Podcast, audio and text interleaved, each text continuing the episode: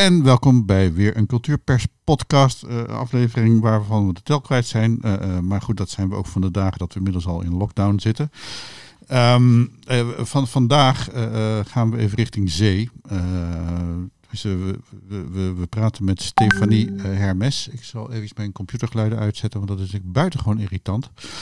Um, en we praten met Stefanie Hermes. en zij is directeur, artistiek leider. Wat, wat ben je van het Haags Theaterhuis? Artistiek leider van Haags Theaterhuis. Haags Theaterhuis. En uh, je zit vlak bij de zee. Um, uh, maar je, je, bent eigenlijk ook nog, waar ik het even eerst over wil beginnen. je zit in Nederland. Ehm, je hebt een prachtig accent. Dat komt ergens uit het oosten.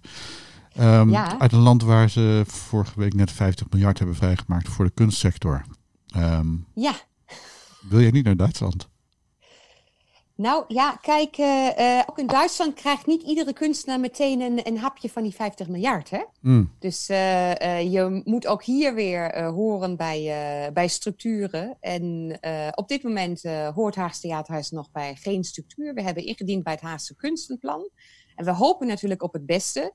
Maar wij moeten ons helemaal zelf voorzien. Dus ik vraag me af of mijn situatie, of onze situatie in Duitsland een andere zou zijn dan hier. Dat is één. En het tweede is in Duitsland zijn, uh, daar leven en werken, of in Nederland uh, wonen, hier leven, werken, maken. Um, ja, mijn voorkeur gaat toch uit naar Nederland, moet ik eerlijk zeggen. Oké. Nou ja, dat is, dat is fijn om te horen voor, voor, voor ons allemaal. ik, ik, zal nog denken, ik, ik heb hier ergens een zee zitten. Um, zullen we die onderzetten? Oh, dat is een vuurtje. Um, dat is een bos. Hier hebben we de zee. Wil je die erbij hebben? Nou, weet je, uh, wij uh, Den Haag uh, het ligt natuurlijk dicht bij de zee, maar aan zee ligt Scheveningen. En ja. eigenlijk zien, zien de Scheveningers Scheveningen eerder als een onafhankelijke Staat. stadoord. Dus, dus, nou ja, dat weet ik niet zozeer. Maar mijn gevoel dat Den Haag aan zee ligt, ondanks alle grote projecten, heb ik toch niet zo. Oké, okay, we dan... Uh... Dus uh, de zeevogels uh, passen daar misschien beter. met het Haagse bos. Ja. Enig. Nou, dus, dan, dan, zitten we nu even in het bos waar we ook niet meer in mogen met z'n allen. dus, um, hey, maar serious business. het Haagse Theaterhuis. want je zei net al even dat, dat het een, een, een soort rare entiteit is in, in, in het cultuurveld van Den Haag. Um, wat, wat, wat, wat zijn jullie? Wat ben jij? Wij zijn een productiehuis voor wat ik noem de Grey Space. Dus iedereen die uh, niet op een HBO-toneelschool heeft gezeten. Uh, daarvoor staan onze deuren open. En werkelijk iedereen. Iedereen die theater wil maken, die uh, theatrale wensen heeft, die zijn dromen wil realiseren, die zichzelf wil verder brengen in de kunst, die nieuwsgierig is naar zijn eigen expressie. Gewoon voor iedereen. En daarnaast zijn we de afgelopen jaren steeds meer uh, naar mensen toe aan het gaan. En dan heb ik het over wijken waar of niet veel culturele instellingen zitten, of mensen uh, ja, toch echt in armoede leven, waardoor het vaak niet past om kunst- of cultuuronderwijs te volgen. En wij brengen kunst en cultuur naar, ja, naar de mensen toe. Maar eigenlijk moet ik zeggen, wij gaan met mensen in gesprek. En daar zijn dan heel veel wensen. Er is uiteraard ook heel veel kunst en cultuur en heel veel ideeën. En ik zeg altijd van, ja, daar kunnen we toch projectsubsidies voor aanvragen. En dan gaan we samen schrijven. En uh, meestal krijgen we het rond. Oké, dus uh, tot nu toe? Ja, tot nu toe. Ja, dank je. ja, want, want natuurlijk de tijd zijn van hoeveel mensen uh, bedien jij zo in, in, in, in een jaar? Um, even nadenken. Ik denk zo rond de vijf tot nou, 500 mensen die echt iets doen. En dan hebben we nog natuurlijk het publiek wat komt kijken. En wij doen nu sinds een ja, jaar of twee uh, interactieve festivals. Dus onze festivals zijn ook doelfestivals. Dus een publiek gaat niet alleen maar zitten, die gaan ook meedoen. Oké.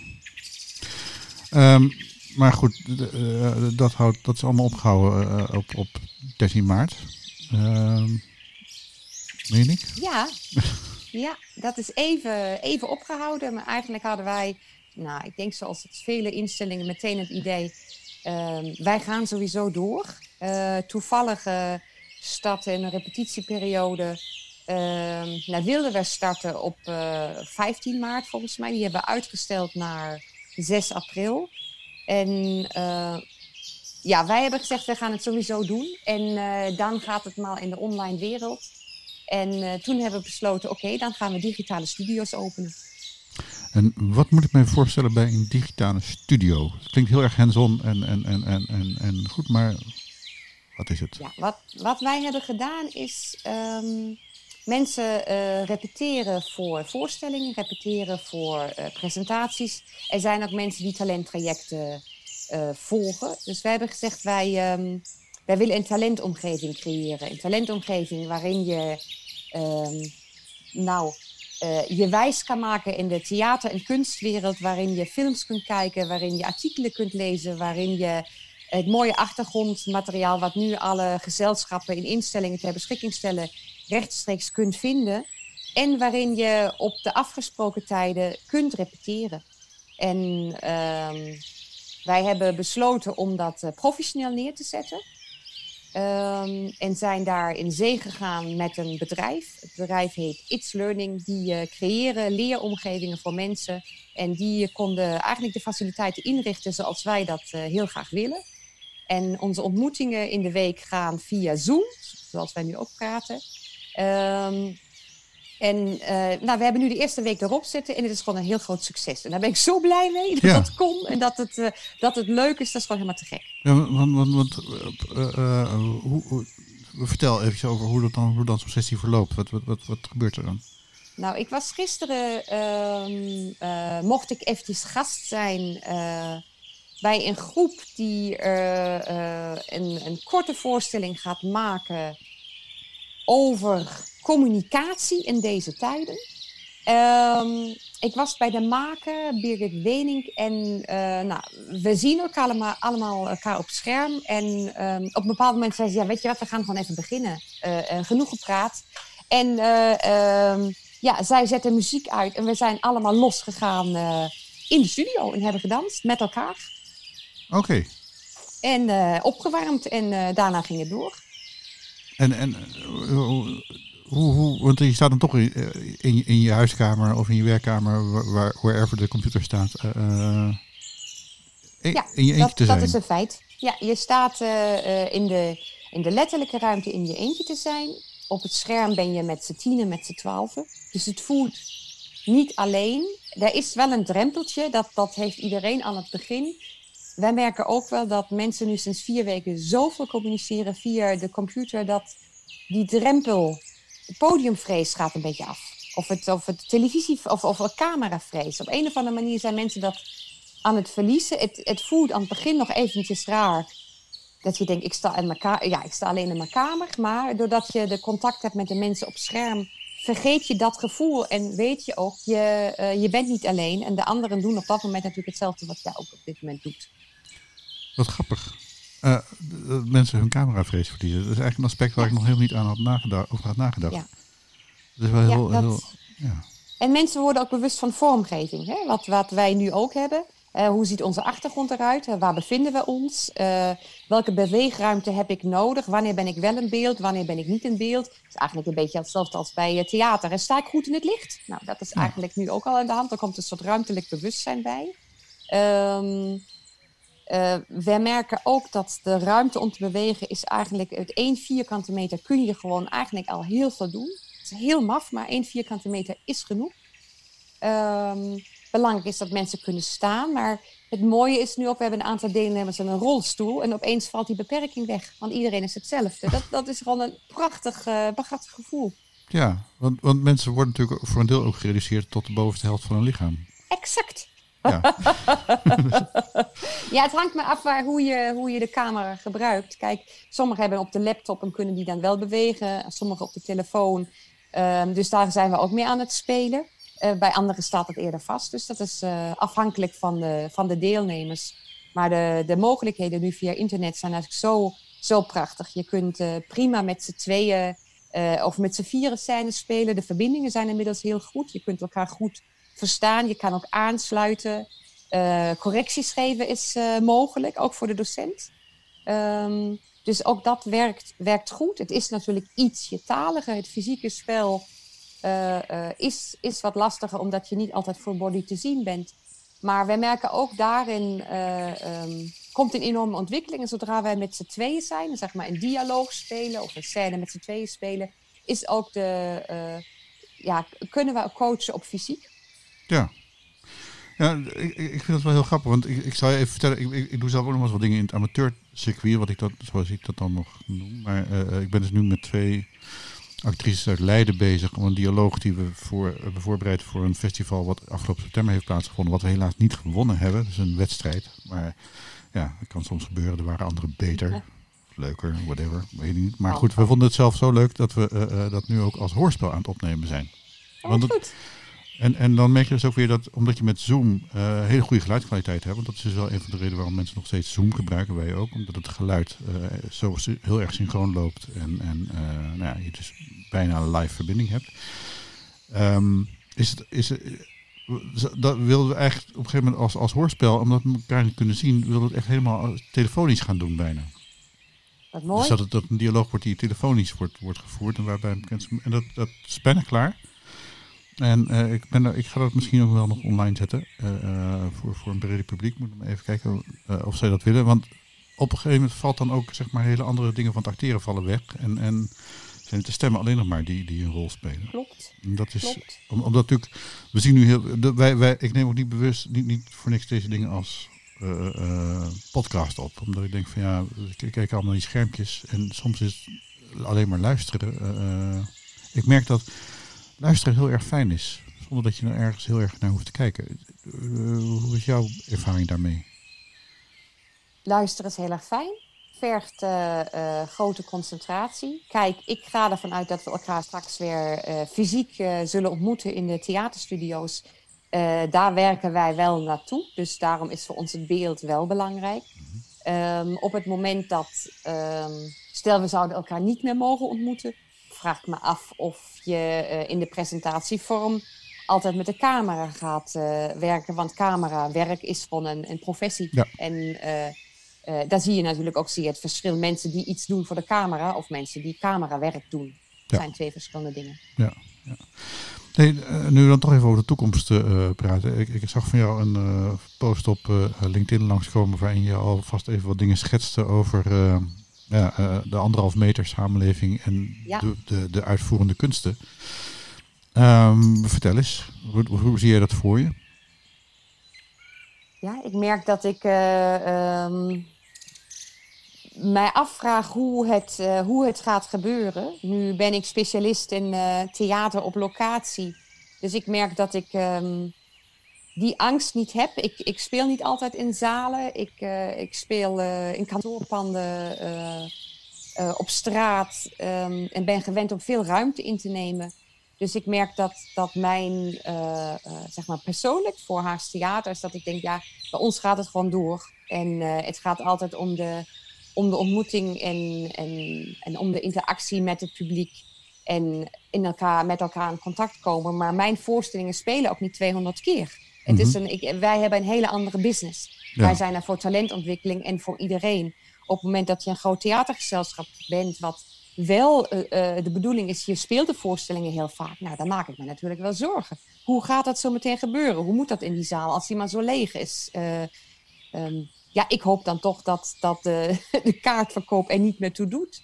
Hmm. En dat die, eh, eh, daar, daar moet een andere financieringsstroom komen, zodat wij met z'n allen die theatervoorstellingen wel kunnen blijven zien. Want ik denk dat dat heel belangrijk is. Daarom schreef ik ook van, ja, gaan we straks toch allemaal reizen als de mensen niet meer kunnen komen? Kun je wel met een bus met, uh, met vijf of tien acteurs naar het dorp toe komen en daar de voorstelling spelen als zij niet meer naar jou kunnen komen.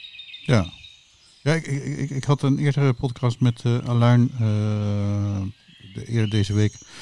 En uh, toen ging het juist over dat misschien juist die huizen belangrijker worden. Omdat je daar dus alles onder controle hebt en het publiek naar je toe kunt laten komen. Waar, um, wa waardoor dus, zeg maar, omdat reizen is, is lastig omdat je dan zeg maar ook allerlei virussen meeneemt. En mensen bang worden dat het, nou, dat, dat, dat je met, met een leuke voorstelling ook nog gelijk weer een hele epidemie meeneemt, zeg maar.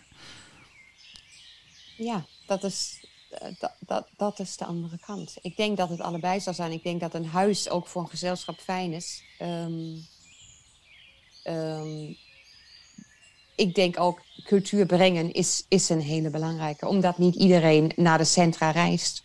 En ik denk dat dit wel een stimulans is om wel, wel te gaan. En de verspreiding van het virus in acht nemende van de, van de veiligheidsregels die nodig zijn. Ik denk dat het dan heel goed mogelijk is om uh, op locatie te spelen. Ja, ja. ja ik, uh, nou, ik kan me dat wel heel goed voorstellen. Je hebt versterking, je kan zoveel dingen bedenken zodat het geluid wel goed naar het publiek toekomt. Ook al zit het publiek misschien iets meer op afstand. Maar het, het live beleven van een theatervoorstelling is toch echt iets anders dan de registratie bekijken van een theatervoorstelling. Of het live uitvoeren van een theatervoorstelling in de livestream. Ik, uh, ik het, het blijft uh, tweedimensioneel. Het is niet ja. dezelfde ervaring. Ik, ik, durf niet te kijken. Ik heb dat eigenlijk bij heel veel van die. Ik had vroeger van toneel op, op tv ook niet echt de moeite waard. Het geklos van die schoenen op het toneel en zo. En, de, de, de, ja, en, en je mist de production value van, van, van een, een specifiek voor tv gemaakte uh, ja, uh, drama. Precies. Dus dat, dat, uh, dus we moeten echt weer die zalen in. Maar, maar ja, met anderhalf meter tussenruimte is dat inderdaad een. een, een hoe, hoe, wat, wat voor theater gaan we dan maken? Nou ja, dat is maar de vraag. Ehm, bij mij begint het denken altijd bij het geld moet ik je eerlijk zeggen. En uh, ik had gisteren heb ik een papiertje genomen, heb uitgerekend wat betekent die anderhalf meter. En volgens mij is het 75% minder publiek. Ja. Um, want ik dacht, nou, het voordeel is dat we altijd uitverkocht zijn. Dat vond ik even positief. ik denk dat er ontzettend veel uitverkochte zalen komen. Dus dat is heel leuk. De rechtstreekse ervaring met het publiek zal heerlijk zijn. Ik denk dat als ik met 25 man bij een zaal van 100 of met uh, 250 man met een zaal van 1000, ja, dan heb ik nog anonimiteit. Maar bij die 25 man, dan denk ik, heb ik daarna behoefte van echt na te bespreken met de acteurs. Dus ik denk dat het echt ook een uh, veel socialere ontmoeting gaat worden uh, um, dan ik ga alleen maar consumeren. Mm. En ik kan me ook voorstellen dat de kunstenaars dat gaan voelen. En ik, heb, ik ben een doener, dus ik denk, je moet het ervaren, je moet het meemaken. Um, maar het publiek gaat zijn anonimiteit verliezen in de zaal. Oké. Okay. Dat denk ik. Ja, ik, uh, ik, ik, ik vind het wel eigenlijk, ik bedoel, je, je weet het zo te vertellen dat ik gewoon denk van, nou, het zou echt, echt wel heel erg leuk zijn als dit er gebeurt. Kijk, wij, want als het gefinancierd is, is er helemaal geen probleem. Nee. Dus of je gaat hele dan, dure kaartjes. Of, dan, of, is het, dan, dan, dan, is het gewoon zo en dan doen we het. En dan denk ik, uh, kom, komen de kunsten helemaal tot, uh, tot hun recht. Omdat wij ontzettend verlangen naar de interactie met ons publiek. En dan hebben we de grote kans. Maar op het moment dat we afgerekend worden op uh, hoeveel mensen komen kijken... Um, dan is het het einde van velen. Ja. Ja, nee, daar, daar, daar heb je absoluut gelijk in.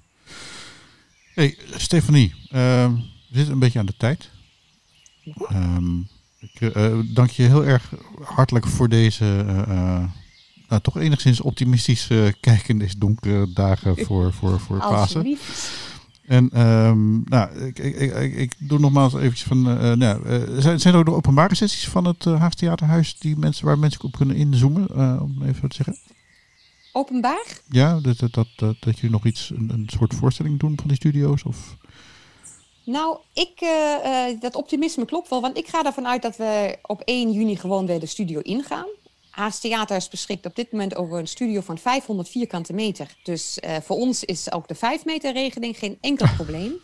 Um, dus ik ga ervan uit dat we per 1 juni weer gaan beginnen. Als dat niet zo is, denk ik dat wij zeker ook openbare repetities zullen houden. Maar ik vind het fijn om nu uh, dag tot dag, dag, week tot week te kijken en in te spelen op uh, wat er is. En dat vind ik ook prettig.